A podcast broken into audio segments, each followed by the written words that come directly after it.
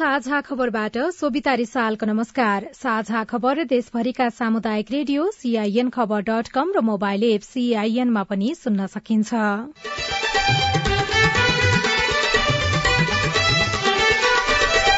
जनसंख्याको आधारमा समानुपातिक समावेशी प्रतिनिधित्व बमोजिम महिला उम्मेद्वारी हुनुपर्ने माग प्रत्यक्षको आधा सीटमा महिलालाई उम्मेद्वार बनाउनु पर्ने प्रस्ताव संसदमा दिगो विकासको लक्ष्य अनुसार संघमा चालिस प्रतिशत सहभागिता बनाउन सरकार तयार। अरू कम्प्रिहेन्सिभ रूपमा लिएर आएर पार्टिसिपेसनलाई कन्स्टिट्युसनको बिगर अब्जेक्टिभसँग टाइ अप गर्दै त्यो क्षेत्रमा गर्नुपर्ने सुधार सहितको हामी यसमा अगाडि बढ्न गयौं भने राम्रो हुन्छ र यसको निम्ति सरकार सकारात्मक छ। प्रदेश र प्रतिनिधि सभा निर्वाचनका लागि कार्यतालिका स्वीकृत निर्वाचन आयोगमा बाह्रवटा दल दर्ता। परराष्ट्र मन्त्री खड्का आज चीन भ्रमणमा जाँदै भ्रमणको विषयलाई लिएर शंका गर्न नहुने विज्ञहरूको भनाए अब नेपालको जाने पालो यो पूरा गर्दैछ दुई सम्बन्ध यसले बढ्छ एकछिन नीति नेपालले पुनः दोहोऱ्याउँछ। कोरोना संक्रमितको संख्या बढ़्यो। पछिल्लो पटक मृत्यु भएका मध्ये पचहत्तर प्रतिशत भन्दा बढ़ी कोरोना विरूद्धको खोप नलगाएका मकै पोली र जीविकोपार्जन गर्नेहरूलाई सड़क विस्तारले चिन्ता बढ़ायो। सड़क बढाएपछि अब सानसानो ठाउँ बनाएर यस्तो छेउछाउमा बस्न दिने भन्दा अलिक गुजारा हुन्छ कि अब बस्नै दिएन भन्दा त्यो पनि छैन के पनि। र दक्षिण कोरियाको राजधानीमा अस्सी वर्ष यताकै अत्यधिक वर्षा एन्फाको कार्य समिति बैठकका लागि चारवटा नयाँ एजेण्डा थपियो।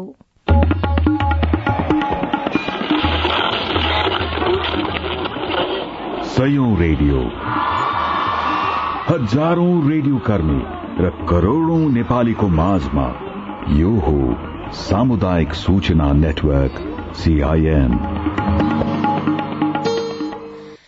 वैशाखमा भएको स्थानीय तह निर्वाचनमा पाँच अर्ब चार करोड़ रूपियाँ खर्च भएको निर्वाचन आयोगको विवरणमा उल्लेख छ। अब साढे तीन महिनापछि हुन लागेको चुनावमा पनि सोही हाराहारीमा खर्च हुने अनुमान गर्न सकिन्छ। एकै चरणमा दुईवटा चुनाव हुँदा मुलुकलाई आर्थिक भार पर्ने निश्चित छ। निर्वाचन आयोगको खर्च सुरक्षा खर्च र निर्वाचनमा दल र तिनका प्रतिनिधिले गर्ने खर्चलाई न्यूनीकरण गरियो भने धेरै हदसम्म निर्वाचनको खर्च कम गर्न सकिन्छ। प्रतिनिधि सभामा स्थानीय तह प्रदेश सभा र संघीय संसदमा समानुपातिक समावेशी प्रतिनिधित्वको विषयमा औपचारिक रूपमा बहस शुरू भएको छ। प्रमुख प्रतिपक्षी दल नेकपा एमालेका सांसद बिन्दा पाण्डेले आगामी प्रदेश र प्रतिनिधि सभाको प्रत्यक्षतर्फको सीटमा समानुपातिक समावेशी प्रतिनिधित्व हुनुपर्ने सम्बन्धी ध्यानकर्षण प्रस्ताव प्रस्तुत गर्नुभएको छ। यस्तै सत्तारूढ़ नेकपा माओवादी केन्द्रका सांसद अमृता थापाले प्रदेश र प्रतिनिधि सभाको चुनावमा जनसंख्याको आधारमा उम्मेद्वार चयन र स्थानीय तहका सबै पदहरू मध्ये पचास प्रतिशत महिला हुनुपर्ने सम्बन्धी जरूरी सार्वजनिक महत्वको प्रस्ताव प्रस्तुत गर्नुभएको छ। थापाले पेश गरेको प्रस्तावमा एघार जना महिला सांसद समर्थक रहेका छन्। सांसदहरूले प्रतिनिधि सभा र प्रदेश सभाको पहिलो हुने निर्वाचन प्रणाली अन्तर्गत उम्मेद्वारी दिँदा प्रत्येक दलले जनसंख्याको आधारमा समानुपातिक समावेशी प्रतिनिधित्व बमोजिम महिला उम्मेद्वारी दिनुपर्ने माग गरेका छन्। यस्तै स्थानीय तहको निर्वाचनमा प्रमुख र अध्यक्ष उपप्रमुख र उपाध्यक्ष वडा अध्यक्ष जिल्ला समन्वय समिति प्रमुख र उपप्रमुखमा हरेक दलले कम्तीमा पचास प्रतिशत महिला उम्मेद्वारी दिनुपर्ने पनि जरूरी सार्वजनिक महत्वको प्रस्तावमा उल्लेख छ। प्रत्यक्षमा पुरूष र समानुपातिकमा महिला मात्र निर्वाचित हुने जस्तो प्रवृत्ति देखा परेको भन्दै यस बारेमा सरकारको ध्यानकर्षण गराइएको हो। सांसदहरूको कुरा सुनेपछि बैठकमा कानून न्याय तथा संसदीय मामिला मन्त्री गोविन्द कोइराला बन्दीले सरकारले सन् दुई हजार तीससम्ममा संघीय संसदमा चालिस प्रतिशत प्रदेश सभामा बयालिस प्रतिशत महिला प्रतिनिधित्व गराउने लक्ष्य प्राप्तिका लागि प्रतिबद्ध रहेको बताउनुभयो। यो जुन प्रस्ताव अगाडि आएको छ यो पोलिटिकल पार्टिसिपेसन इन्स्योर गर्ने एकदम राम्रो छ। यसको साथमा अरू कम्प्रिहेन्सिभ रूपमा लिएर आएर पार्टिसिपेसनलाई कन्स्टिट्युसनको बिगर अब्जेक्टिभसँग टाइ अप गर्दै त्यो क्षेत्रमा गर्नुपर्ने सुधार सहितको हामी यसमा अगाडि बढ्न गयौं भने राम्रो हुन्छ र यसको निम्ति सरकार सकारात्मक छ। यहाँ उठाइएका विषयमध्ये तीनवटा विषयमा फरक फरक मान्यजीहरूको धारणा आयो। म खासै यसमा अहिले केही ओपिनियन भन्न चाहन्न। निर्वाचनको लागि हामी गएको छौँ र कानून संशोधनको निर्वाचन आयोगले गरिरहेको प्रयास हामी अरू केही कानूनहरू पनि अझै पार्लियामेन्टमा ल्याउँछौँ र यो पार्लियामेन्ट चल्छ। यो पार्लियामेन्टले अझै थुप्रै कानूनहरू बनाउनु बाँकी छ। यो पार्लियामेन्ट चल्ने भावनाले सम्भव हुने चिजहरू फेला पर्यो आयो र त्यसले सुधार गर्ने भयो भने सरकार अहिले पनि त्यसलाई अगाडि बढाउन तयार छ। तर महिला सांसदहरूले मन्त्रीले दिएको जवाफ चित्त बुझ्दो नभएको बताएका छन्। सीआईएनसँग कुरा गर्दै सांसद पाण्डेले आफूहरूले आगामी निर्वाचनको सन्दर्भमा त्यसो भनेको भए पनि मन्त्रीले भने सन् दुई हजार तीससम्मको विषय जोडेको भन्दै आपत्ति जनाउनुभयो कतिपय सांसदले भने प्रधानमन्त्री शेरबहादुर देउबा संसदमा अनुपस्थित भएको भन्दै असन्तुष्टि जनाएका छन्। संसदमा बोल्दै नेकपा एमालेका सांसद खगराज अधिकारीले संसदमा हुने महत्वपूर्ण छलफलमा प्रधानमन्त्री देउबा उपस्थित भई प्रश्नोत्तर गर्नुपर्ने व्यवस्था भए पनि कार्यान्वयन नभएको बताउनुभयो। प्रतिनिधि सभा नियमावलीको परिषद नौमा महिनाको दुई पटक प्रत्यक्ष प्रधानमन्त्री संसदमा उपस्थित भएर प्रश्नोत्तर कार्यक्रम गर्नुपर्ने एक घण्टाको समय छ। संसद प्रति सरकार सत्ता पक्ष नै स्वयं तयार छैन। अहिलेसम्म सम्मान्य प्रधानमन्त्री शेरबहादुर देउवा प्रधानमन्त्री भएदेखि यो कार्यक्रम शुरू भयो। उहाँहरू जवाफदेही हुनुहुन्छ। त्यस कारण हामीले यो महत्वपूर्ण छलफल त गरेका छौँ। यसको सम्मान त हामी गर्छौं तर यो कार्यान्वयन हुन्छ। आगामी मंगिर चारमा हुने प्रतिनिधि सभा र प्रदेश सभाको निर्वाचनका लागि निर्वाचन आयोगले निर्वाचन कार्यतालिका स्वीकृत गरेको छ। आज बसेको बैठकले स्वीकृत गरेको निर्वाचन कार्यतालिका अनुसार असोज एघारमा निर्वाचन अधिकृतहरू नियुक्त गरिनेछ भने असोज एक्काइस भित्र निर्वाचन अधिकृतको कार्यालय खोलिनेछ। यस्तै असोज तेइसमा प्रत्यक्षतर्फ उम्मेद्वारी दर्ताको मिति तय गरिएको छ। त्योभन्दा अगाडि समानुपातिक तर्फको भने साउन तीसमा कार्यालय स्थापना हुनेछ। असोज दुई र तीन गते दलहरूले उम्मेद्वारको बन्दसूची पेश गर्नु पर्ने हुन्छ। कार्तिक सत्ताइसमा मतपत्र ढुवानी गरिने र मंगिर चार गते बिहान सात बजेदेखि अपरान्न पाँच बजेसम्म निर्वाचन हुने आयोगको कार्यतालिका रहेको आयोगका सहप्रवक्ता सूर्य प्रसाद अर्यालले जानकारी दिनुभयो। मंगिर चारमा हुने प्रदेश र प्रतिनिधि सभा निर्वाचनको लागि हालसम्म बाह्र राजनैतिक दलले निर्वाचन आयोगमा दल दर्ता गराएका छन्। प्रमुख प्रतिपक्षी दल नेकपा एमाले पनि प्रतिनिधि सभा र प्रदेश सभाको निर्वाचनको लागि दल दर्ता गराएको छ। मंगिर चार गते हुने निर्वाचनको लागि एमाले आज निर्वाचन आयोगमा पुगेर दल दर्ता गराएको हो। दल दर्ताका लागि एमाले उपाध्यक्ष युवराज गेवाली महासचिव शंकर पोखरेल उपमहासचिवद्वय प्रदीप गेवाली र विष्णु रिमाल सचिव गोकर्ण विष्ट स्थायी कमिटी सदस्य डाक्टर राजन भट्टराई र कृष्ण गोपाल श्रेष्ठ लगायतका नेताहरू आयोग पुग्नु भएको थियो। त्यसक्रममा पत्रकारले गरेको प्रश्नमा एमाले महासचिव शंकर पोखरेलले प्रदेश सभा र प्रतिनिधि सभा निर्वाचनमा गठबन्धन गर्ने सत्तारूढ़ दलको निर्णय अराजनैतिक भएको टिप्पणी गर्नुभयो। कहिलेकाहीँ जनताले दिएको म्यान्डेटमा कुनै दल विशेषले बहुमत ल्याउन सकेन भने सरकार निर्माणका समयमा गठबन्धन गर्ने चलन दुनियाँका लोकतन्त्रमा पाइन्छ। तर चुनावमै गठबन्धन गर्ने कुरा भनेको चाहिँ अराजनैतिक कुरा हो। एक प्रकारले आफ्ना नीतिमाथि विश्वास र भरोसा नहुने कुरा हो। त्यो कुराप्रति नेकपा एमाले सहमत छैन नेकपा एमाले आफ्नो नीतिका आधारमा अगाडि बढ्छ त्यो नीतिप्रति सहमत हुनेहरूसँग तालमेल गर्छ। आफ्नो नीतिलाई छोडेर कुनै प्रकारको गठबन्धनका पक्षमा नेकपा एमाले छैन। महासचिव पोखरेलले एमाले आफ्नो नीति छोडेर कुनै पनि खालको चुनावी गठबन्धन गरेर जाने पक्षमा नरहेको स्पष्ट पार्नुभयो। नेकपा एकीकृत समाजवादीका सम्मानित नेता झलनाथ खनालले सबै पार्टीको सम्मान हुने गरी तालमेल गर्नुपर्ने बताउनु भएको छ। संसद भवन बाहिर पत्रकारहरूसँग कुराकानी गर्दै नेता खनालले दुई हजार चौहत्तरको निर्वाचन गएको स्थानीय तहको निर्वाचन लगायतलाई आधार मान्दै सबै दललाई स्वीकार्य हुने गरी गठबन्धन गर्नुपर्ने बताउनु भएको हो। तालमेल गर्दाखेरि प्रत्येक पार्टीको आफ्नो हैसियत हुन्छ। अब विगतका आधारहरू पनि छन् चौहत्तरको चुनावको आधार पनि छ भर्खरै सम्पन्न भएको स्थानीय तहको निर्वाचनको आधार पनि छ। यी सबै आधारहरूमाथि उभिएर सबैलाई सम्मान हुने ढंगले हामीले चाहिँ तालमेल गर्नुपर्ने हुन्छ। कसैले अपमान फिल गर्यो भने पनि तालमेलमा आउँदैन। त्यसकारण सबैलाई सम्मान हुने खालको तालमेलको एउटा चाहिँ बुटी पत्ता लगाउनु पर्यो। यसैबीच नेपाल समाजवादी पार्टीका अध्यक्षद्वय बाबुराम भट्टराई र महेन्द्र राय यादवले प्रधानमन्त्री शेरबहादुर देउवासँग भेटवार्ता गर्नुभएको छ। गठबन्धनको विषयमा छलफल गर्न अध्यक्षद्वय बालुवाटार पुग्नु भएको हो। भेटवार्ताका क्रममा समसामयिक राजनीतिक विषय गठबन्धन चुनावी तालमेल लगायतको विषयमा छलफल भएको छ। सत्तारूढ़ पाँच दलीय गठबन्धन भित्रको एक दल जनता समाजवादी पार्टी छाडेर भट्टराई र यादवले नेपाल समाजवादी पार्टी गठन गर्नुभएको छ। यसअघि महन्त ठाकुर सहितका लोकतान्त्रिक समाजवादी पार्टी लोसपाका नेताहरूले प्रधानमन्त्री देउवासँग चुनावी गठबन्धनको विषयमा बालुवाटारमा छलफल गरेका थिए। परराष्ट्र मन्त्री डाक्टर नारायण खड्गा आज चीन भ्रमणमा जाँदै हुनुहुन्छ। चिनिया विदेश मन्त्री वाङ यीको निमन्त्रणामा उहाँ चीन जान लाग्नु भएको हो। मन्त्री खड्गा पर्सीसम्म चीन भ्रमणमा रहनुहुनेछ। मन्त्री खड्गाले भोलि चिङदाओमा प्रतिनिधि मण्डलसँग द्विपक्षीय वार्ता गर्ने कार्यक्रम रहेको उहाँको निजी सचिवालयले जनाएको छ। चीन र ताइवान बीच विवाद रहेको बेला परराष्ट्र मन्त्री डाक्टर खड्काको हुन लागेको चीन भ्रमणलाई महत्वका साथ हेरिएको छ।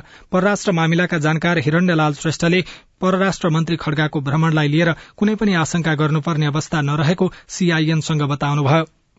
उहाँले नेपाल एक चीन नीतिप्रति प्रतिबद्ध रहेकाले यो भ्रमणलाई सामान्य रूपमा नै लिनुपर्ने बताउनुभयो। छिमेकी आफैले प्रस्ताव राखेर संयुक्त राष्ट्र संघमा पठाएको र एक चिन नीति सधैँ भन्ने आएको देशले एक सय साठीवटा देशले अहिले समर्थन गरिसक्यो। भने नेपाल जान नहुने नेपाल चाहिँ एक सय साठी भन्दा फरक भएर अमेरिकै पुत्र हुनुपर्छ। यसैले यो एउटा चाहिँ नेपालको परराष्ट्र मन्त्रीले भ्रमण गरेका छ। उसको दुईचोटि आइसक्यो चिनको परराष्ट्र मन्त्री पनि त्यहाँको विदेश विभाग कम्युनिस्ट पार्टीको प्रमुख पनि आइसक्यो भने अब नेपालको जाने पालो हो। यो पुरा गर्दैछ। दुई देशको सम्बन्ध यसले बढ्छ। एक चिन नीति नेपालले पुनः दोहोऱ्याउँछ र चाहिँ बाँकी रहेका योजना कार्यान्वयन नभएबाट कार्यान्वयन गर्नेछ यसैबीच नेकपा एकीकृत समाजवादीका सम्मानित नेता झलनाथ खनालले परराष्ट्र मन्त्री डाक्टर खड्गाको चीन भ्रमणमा नेपालले चीनसँग गरेको बीआरआई सम्झौता सीमा समस्या र सम्भव हुने सहमतिका बारेमा जोड़ दिनुपर्ने बताउनु भएको छ नेपालमा कोरोना संक्रमणबाट मृत्यु भएका मध्ये पचहत्तर प्रतिशत भन्दा बढ़ीले कोरोना विरूद्धको खोप नलगाएको पाइएको स्वास्थ्य तथा जनसंख्या मन्त्रालयले जनाएको छ। कोरोना विरूद्धको खोप नलगाएकाहरू उच्च जोखिममा रहेकाले पहिलो दोस्रो र बुस्टर मात्रा खोप लगाउन मन्त्रालयले पुनः आग्रह गरेको छ। खोप लगाएका मानिसको तुलनामा नलगाएका मानिसमा संक्रमणले गम्भीर बिरामी बनाउन सक्ने सम्भावना दश गुणाले धेरै हुने बुस्टर मात्रा खोपले गम्भीर बिरामी पर्ने वा मृत्यु हुनबाट लगभग पचासी प्रतिशत सुरक्षा प्रदान गर्ने भएकाले खोप लगाउन मन्त्रालयका प्रवक्ता डाक्टर समीर कुमार अधिकारीले अनुरोध गर्नुभयो।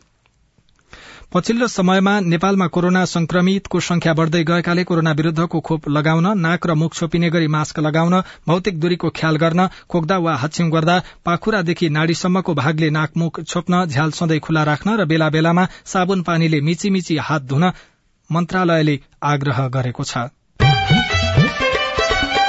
साझा खबरमा अब विदेशको खबर। दक्षिण कोरियाको राजधानीमा अस्सी वर्ष यताकै अत्यधिक वर्षा भएको छ। कोरियाको मौसम विज्ञान एजेन्सीका अनुसार राजधानी सहितका केही क्षेत्रहरूमा अस्सी वर्ष यताकै भारी वर्षा भएको हो। कोरियाको राजधानीमा भारी वर्षा र बाढ़ीका कारण कम्तीमा आठ जनाको मृत्यु भएको छ। अविरल वर्षाका कारण शहरभर विद्युत कटौती भएको छ।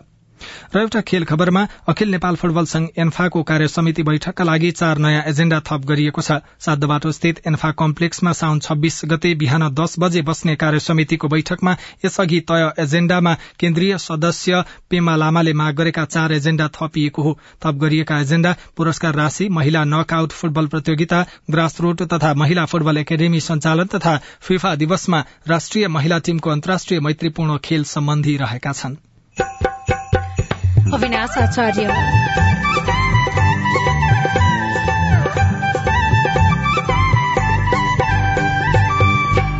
सड़क किनारमा मकै पोल्नेहरूलाई विस्तार हुँदै गरेको सड़कले विस्थापित गराउने चिन्ता। तिस घोगादेखि सुरु गरेको अहिले दुई सय डेढ सयसम्म बेच्छु। छेउछेउमा के यस्तो बनाइदिने टरो ढोका बन्द गर्ने लाउने खोल्ने गरिदिए यही मकै मात्रै नभएर अरू नि गर्न सकिन्छ नि। विकल्प दिन सरकारसँग माग रिपोर्ट। संसदको बाँकी अवधिमा सबै विधेयक पारित हुने सम्भावना कति? लगायतका सामग्री बाँकी नै छन्। सीआईएनको साझा खबर सुन्दै गर्नुहोला।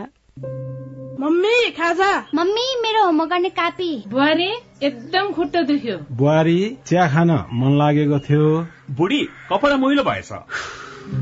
अरे मेरो परिवार भर्खरै सुनेको संवाद तपाईँलाई कस्तो लाग्यो? यही संवादलाई फेरि एकपटक यसरी सुनौ न है। मम्मी खाजा आज म बनाउँछु। मिठो बनाउँछु है। मम्मी मेरो होमवर्क गर्ने कापी मैले खोजिसके। अब म होमवर्क गर्छु। बुहारी एकदम खुट्टा दुख्यो। छोराले तेल तताएर लगाइदिएपछि अलि आराम भयो। बुहारी चिया खान मन लागेको थियो। सबैको लागि बनाएको छु। आऊ सबैजना खान। बुढी कपडा मैलो भएछ। घर नि कस्तो फोहोर। कपडा धोएर भ्याए। अब घर सफा गर्छु। कोरोनाको महामारीबाट बस्न पनि त सरसफाई जरुरी छ नि। आहा मेरो परिवार। तपाईँलाई दोस्रो संवाद कस्तो लाग्यो? पक्कै राम्रो लाग्यो। हो तपाईँ हामी बीच जिम्मेवारी बोध भयो भने एक अर्का बीचको निकटतालाई अझ राम्रो बनाउन सकिन्छ। बाढी चोडी जिम्मेवारी परिवारमा समझदारी। महिला बालबालिका तथा ज्येष्ठ नागरिक मन्त्रालय युएन वुमन ल्याक र अकुराबको सहकार्य। सामाजिक रूपान्तरणका लागि यो हो सामुदायिक सूचना नेटवर्क सीआईएन तपाई सामुदायिक सूचना नेटवर्क सीआईएनले तयार पारेको साझा खबर सुन्दै हुनुहुन्छ। नेपालमा यस वर्ष मनसून शुरू भए यता विपदजन्य घटनाबाट पैंतिस जनाको मृत्यु भएको छ। विपद बारेको पूर्व सूचना र पूर्व तयारी नहुँदा बाढ़ी पहिरोबाट धेरैजना मानिसको मृत्यु हुने गरेको छ। हरेक स्थानीय तहमा विपद जोखिम न्यूनीकरण तथा व्यवस्थापन समिति रहने प्रावधान भए पनि सो समिति विपद पूर्व भन्दा विपद पछिको अवस्थामा बढ़ी केन्द्रित हुने गरेको छ। सम्भावित बाढ़ी पहिरो जस्ता घटनाबारे पूर्व जानकारी नहुँदा विपदबाट धेरै मानिसको मृत्यु हुने गरेको भन्दै एकजना विपद विज्ञ सुबोध ढकालले सीआईएनसँग भन्नुभयो। सरकारी संयन्त्रहरूले कहाँ कसले कसरी काम गरिरहेछ भन्ने कुराको चाहिँ एउटा लेखाजोखा अथवा त्यसको तथ्याङ्क राख्ने त्यो कामहरू गर्न नसकेको एउटा पहिलो कुरा त हामीले पहिला त्यो त्यसरी बुझ्नुपर्ने हुन्छ। अब त्यसमा चाहिँ के गर्न सकिने हो त भन्दाखेरि मुख्यतया चाहिँ जति पनि हाम्रो विकेन्द्रीकरण भएर यो अध्ययनहरू भइरहेका छन् त्यसलाई केन्द्रीकरण गर्नु पर्यो। र हाम्रो विपद प्राधिकरणले चाहिँ कुन ठाउँमा चाहिँ यो विभिन्न खाले प्रकोपहरू सम्बन्धी र त्यसको पूर्व सूचना सम्बन्धी चाहिँ कामहरू अथवा अध्ययनहरू चाहिँ के कस्तो भएको छ भन्नेको पहिला तथ्याङ्क राख्ने त्यसको डाटाबेस गर्ने बनाउने। अनि त्यसपछि एकचोटि बनाइसकेपछि त्यसपछि के हुन्छ भने बस्ने अपडेट हुँदै जाने। कि त्यो सिस्टमलाई एउटा उहाँहरूले गर्न सक्नु भएको छैन। त्यस कारणले मेरो सुझाव चाहिँ एउटा के हुन्छ भन्दाखेरि जति पनि अध्ययनहरू भइरहेका छन् त्यो केन्द्रीकरण उहाँहरूले गरेर त्यसको समन्वयकारी भूमिका खेलेर अनि त्यसपछि जुन ठाउँमा चाहिँ बढी जोखिममा छ त्यो ठाउँमा चाहिँ सूचनाहरू प्रवाह गर्नुपर्ने एउटा कुरा त्यो पाडो देखिन्छ। सरकारले मेलम्ची लगायतका केही स्थानमा शुरू गरेको पूर्व सूचना प्रणाली राम्रो अभ्यास भएको भन्दै वहाँले जोखिमयुक्त अन्य स्थानमा पनि यसको प्रयोग बढ़ाउनुपर्ने बताउनुभयो।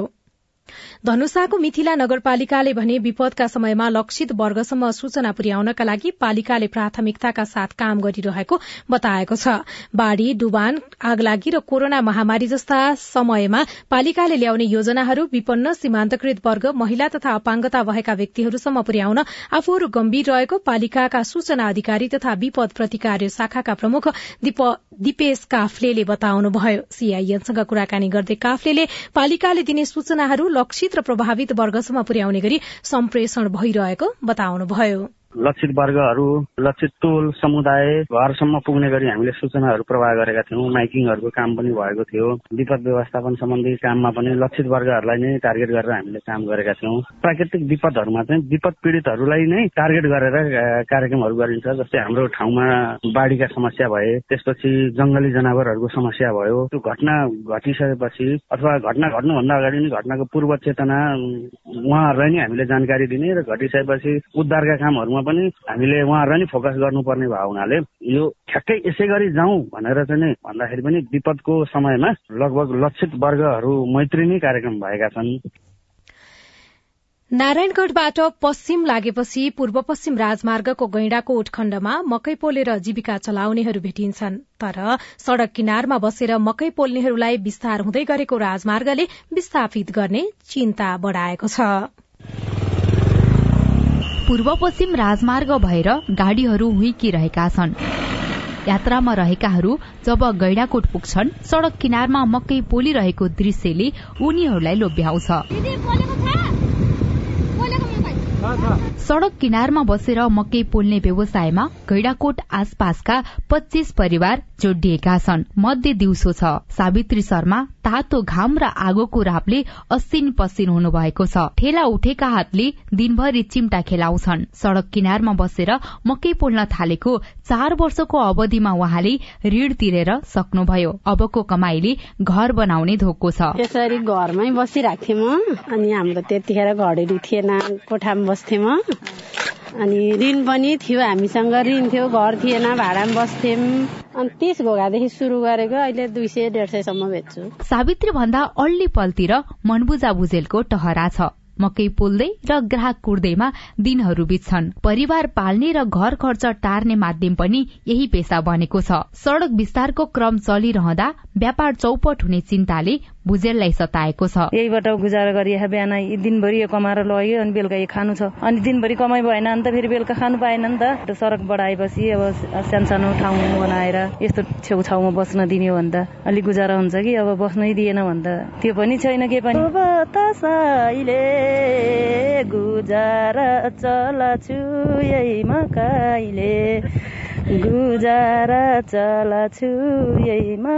नवलप्रासी गैडाकोटको थुम्सी पूर्व पश्चिम राजमार्गको व्यस्त सड़क हो। सड़क किनारमा मकै पोल्नकै लागि बनाएका टहराहरू छन्। तीनै टहरा पच्चीस भन्दा बढ़ी परिवारको सहारा बनेका छन्। सड़क विस्तारको काम चलिरहँदा सरकारले व्यापार गर्ने ठाउँको व्यवस्थापन गरिदिनुपर्ने उनीहरूको माग छ। अर्का व्यापारी मिनाजीसी यही बाटो बनाएपछि त्यही छेउछेउमा के यस्तो बनाइदिने टरो ढोका बन्द गर्ने लाउने खोल्ने गरिदिए यही मकै मात्रै नभएर अरू नि गर्न सकिन्छ नि। अर्थवर्थ पनि राखेर बेच्न पाइन्छ नि त त्यस्तो भयो भने त। मकै पोल्ने र बिक्री गर्ने व्यवसायलाई व्यवस्थित गर्न ठाउँको अभाव भएको गैडाकोट नगरपालिका बताउँछ। नगर प्रमुख मदन भक्त अधिकारी किसानले कुनै विकल्प लिएर आए सजिलो हुने बताउनुहुन्छ। बाटो फराकिलो पार्नु पर्दाखेरि त उनीहरू हटाउँछ। हटाएर अब राख्ने का अब भित्र लगेर राखे पनि हुन्न। राख्नु त सडकमै राख्नु पर्यो नि। कहाँनिर चाहिँ बस्दाखेरि ठिक हुन्छ उनीहरूले हेर्नु पर्यो नि। होइन उनले हामीलाई यहाँ यहाँ बस्दाखेरि हामीलाई ठिक हुन्छ भनेर उहाँहरूले भन्नुभयो भने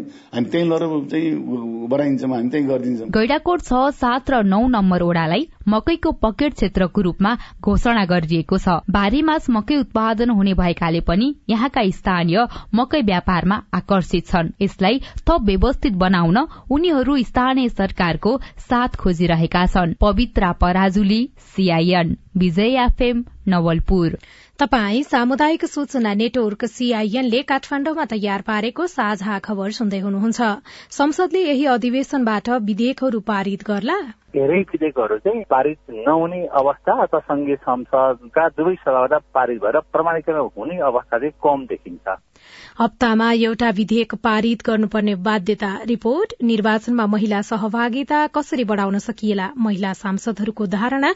लगायतका विशेष सामग्री बाँकी नै छ। सीआईएनको साझा खबर सुन्दै गर्नुहोला।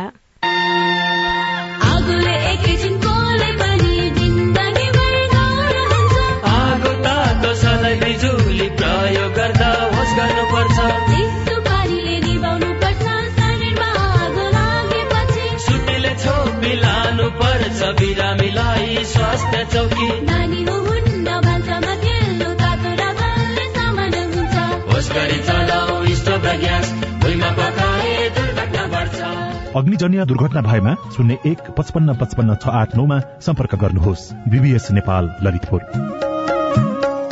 सामाजिक रूपान्तरणका लागि यो हो सामुदायिक सूचना नेटवर्क सीआईएन तपाई सामुदायिक सूचना नेटवर्क सीआईएनले काठमाण्डुमा तयार पारेको साझा खबर सुन्दै हुनुहुन्छ।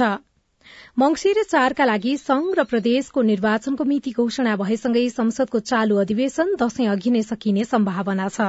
समय र कामको चाप हेर्दा संसदले हरेक हप्ता एउटा विधेयक पारित नगरे काम नसकिने देखिन्छ। चालू अधिवेशनमा नै उनपचासवटा विधेयक पारित गर्ने सम्भावना कतिको छ। कार्यकाल सकिने लाग्दा सांसदहरूलाई गर्नुपर्ने कामको चाप बढ़ेको छ।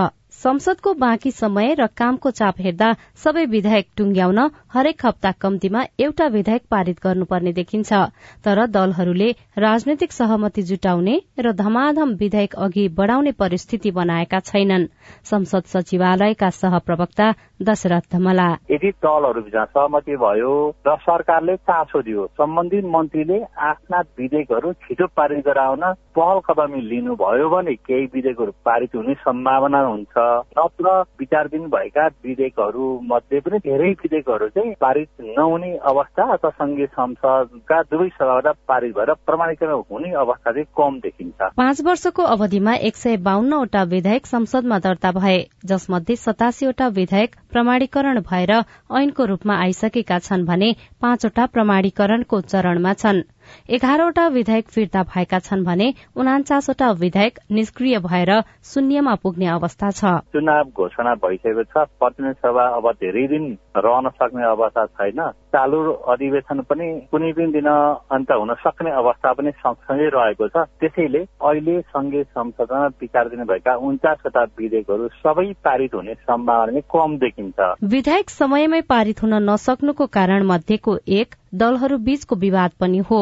प्रतिपक्षको अवरोधका कारण झण्डै नौ महिना संसद नचल्दा समयमा विधेयक पारित हुन नसकेको सत्ता पक्षको आरोप छ। नेकपा माओवादी केन्द्रका प्रमुख सचेतक देव गुरूङ विलम्ब हुनुको पछाडिको कारण त नौ नौ महिनासम्म सदन अब्स्टेकल भएपछि त त्यो सबै ठेक्रिने कुरा भइहाल्यो त। संसदमा विचाराधीन रहेका सबै विधेयक उत्तिकै महत्वपूर्ण छन् तर अनुगमन तथा मूल्याङ्कन सम्बन्धी सार्वजनिक सेवा प्रसारण विधेयक र भ्रष्टाचार निवारण सम्बन्धी अख्तियार सम्बन्धी लगायतका केही विधेयकहरू संसदमा अड्कदा काम गर्ने कर्मचारीदेखि सर्वसाधारणसम्मलाई समस्या भएको छ। कैयौं विधेयकमा दलहरूबीच फरक फरक मत रहेकाले सत्तामा रहेका दलले नै छलफलका लागि नेतृत्व लिनुपर्ने प्रमुख प्रतिपक्ष एमालेको तर्क छ।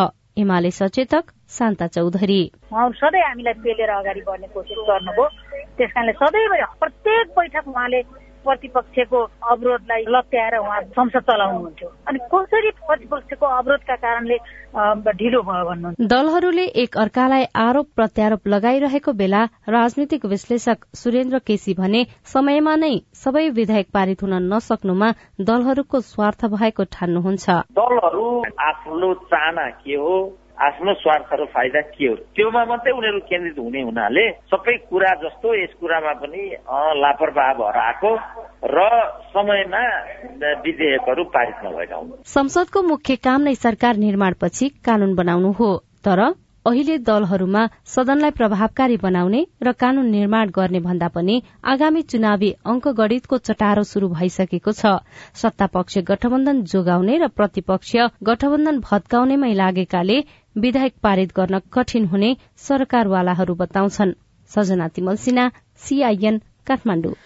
संविधानले हरेक निकायमा समानुपातिक सहभागिताको सुनिश्चितता गरेको छ। राजनैतिक दलहरूले पनि निर्वाचनको समयमा जारी गरेका घोषणा पत्रहरूमा लैंगिक समावेशीकरण पार्टीको सबै तहमा महिलाहरूको कम्तीमा तेत्तीस प्रतिशत सहभागिताको सुनिश्चितता महिलाभित्रको विविधतालाई सम्बोधन गर्ने प्रतिबद्धता गर्छन्। तर कार्यान्वयन भने हुँदैन। यसमा महिला सांसद किन मौन छन्? महिला दलित जनजाति अपाङ्गता भएका व्यक्ति लगायत पछाडि पारिएका समुदायलाई राज्यको हरेक तहमा समान पहुँच पुर्याउन नीतिगत रूपमै पहल थालिएको लामो समय भयो। संविधानको मर्मले पनि समानुपातिक र समावेशिताको वकालत गर्छ। तर लैंगिक समानताको विषयमा महिला र पुरूषको मात्रै सवाल उठाइने यौनिक तथा लैंगिक अल्पसंख्यक समुदायका उमिसा पाण्डेको भनाइ छ। संसदमा लेखिएका कति कुराहरू छन् तर खै कहाँ गएर अड्केको छ लागू छैन अहिलेसम्म पनि। जहाँ जहाँ पिछडेर बसेको छ। अहिले बसमा आउँदाखेरि गाडीमा आउँदाखेरि बोली सुन्ने बित्तिकै हिजडा भनेर नामाकरण गरिदिइहाल्यो। लालछना र भेदभाव। अनि यी शब्द कहिलेसम्म चाहिँ हामीलाई टर्चर गरिराख्ने लैंगिक विभेद र हिंसालाई नेपालको संविधानले दण्डनीय मानेको छ र सजायको व्यवस्था समेत गरेको छ। तर राष्ट्रिय महिला आयोगमा दिनहुँ चालिसदेखि पचासवटा हिंसाका उजुरी दर्ता हुने गरेको छ। यसो हुनुको पछाडि लैंगिक असमानता रहेको आयोगका प्रवक्ता चमिला भट्टराई बताउनुहुन्छ। चरित्र हत्या गर्ने आर्थिक यातना अब विवाह दर्ता पनि नगरिदिने अनि त्यसपछि नागरिकता पनि नबनाइदिने। र यस्तो खालको चाहिँ हाम्रोमा धेरै केसहरू आउँछन्। तर त्यहाँ हेर्दा चाहिँ अझै पनि हामी जति समानताका कुरा गर्छौं त्यो भन्दा विकराल अवस्था रहेछ भन्ने जस्तो लाग्छ। राजनीतिक दलहरूको नेतृत्व तहमा होस् या राज्यका अन्य कुनै सार्वजनिक निकायमा निकै कम महिलाहरूले मात्रै नेतृत्वमा अवसर पाउने गरेका छन्। नीति निर्माण गर्ने निकायको नेतृत्वमा महिला सहभागिता न्यून रहेको छ। तर महिला सांसदहरूले समानुपातिक सहभागिताको सुनिश्चितताको लागि पहल शुरूआत गरेको बताएका छन्।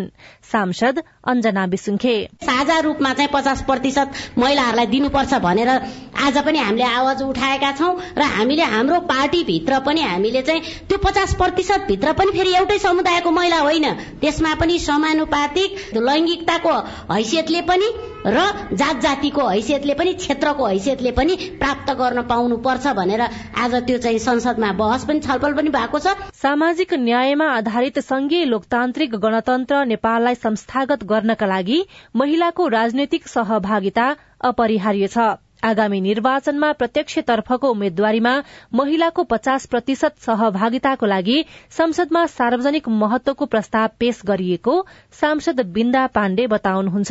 कानूनको मस्यौदा गरिरहेको चाहिँ निर्वाचन आयोगले त्यसलाई सिरियसली लिनुपर्छ र त्यो मस्यौदामा चाहिँ उहाँहरूले राखेर त्यसपछि मात्रै सरकारलाई त्यो बुझाउनुपर्छ भन्ने खालको पहलमा हामी सम्भवतः एक दुई दिनभित्र फेरि पनि सबै दलका चाहिँ नि साथीहरू मिलेर हामी निर्वाचन आयोगमा पनि जान्छौँ होला। समानुपातिक सहभागिताको विषयमा देखिएका कानूनी अडचनलाई फुकाउन र कार्यान्वयन प्रभावकारी बनाउन सबै दलका महिला सांसद एकजुट हुने सांसद निरा देवी जैरू बताउनुहुन्छ।